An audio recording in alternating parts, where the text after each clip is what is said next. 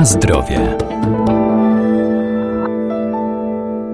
Ziołolecznictwo jest jedną z najstarszych znanych człowiekowi metod wspomagania organizmu, bo rośliny zielarskie mają właściwości lecznicze. Wśród nich także te pospolicie uznawane za chwasty. Na przykład warto zwrócić uwagę na pesz i jego kłącze oraz pokrzywę.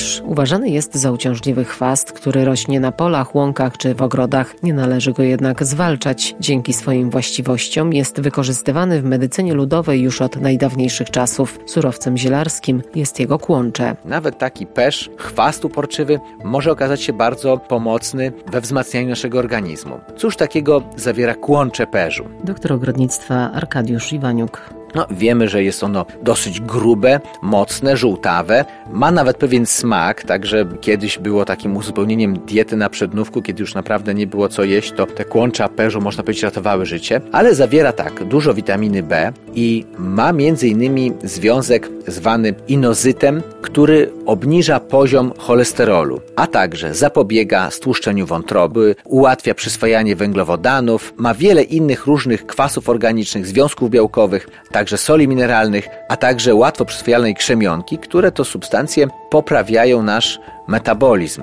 Wyciągi z perzu, z kłączy perzu, tu podkreślę, mają działanie moczopędne, przeciwmiażdżycowe, chronią wątrobę, a także działają odtruwająco, a nawet przeciwgrzybicznie i żółciopędnie. Stąd też właśnie preparaty z perzu stosuje się przede wszystkim w infekcjach przewodu moczowego, w przypadku zapalenia pęcherza czy cewki moczowej, a także przy kamicy nerkowej, a nawet przy zapaleniu lub w przypadku przerostu gruczołu krokowego. Dalsze takie właściwości perzu związane są z takim dobroczynnym działaniem przede wszystkim na wątrobę, a więc wspomaganie w leczeniu żółtaczki, to obniżanie poziomu cholesterolu, tłuszczów, trójglicerydów we krwi.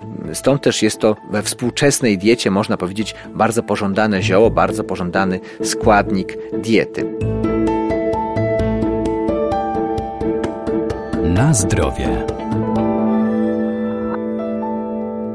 Pokrzywa zwyczajna ma właściwości regenerujące, oczyszczające i krwiotwórcze. Polecana jest w osłabieniu organizmu i w chorobach skóry. Poprawia też i wzmacnia włosy oraz paznokcie. W Polsce występują w zasadzie dwa gatunki pokrzywy. Nas interesuje bardziej pokrzywa zwyczajna, czyli gatunek wieloletni, odrastający. Jest to bardzo cenny gatunek zielarski.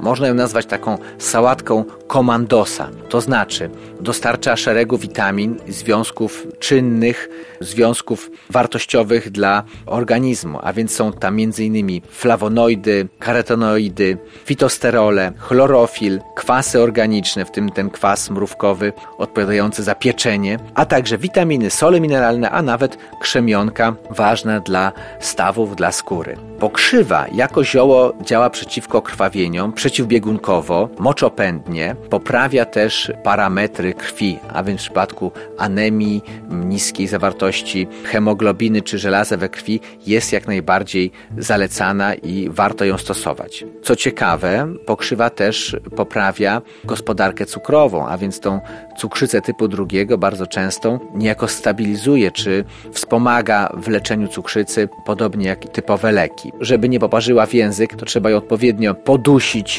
lub lekko rozetrzeć i dodawana do sałatek właśnie z pomidorami, czy z kapustą, czy z innymi warzywami jest ciekawostką taką kulinarną, a jednocześnie no, zjadając całe liście dostarczamy jakby największej ilości, czy w pełni wszystkie te składniki, a do tego jeszcze duże ilości błonnika. Można też oczywiście ją zebrać i wysuszyć i stosować później przez cały rok jako susz pokrzywowy i zalewać w odpowiednim momencie wrzątkiem i otrzymywać taką herbatkę, czyli napar albo odwar. Można też, i to jest bardzo cenny sposób, bardzo skuteczny, wyciskać z niej sok.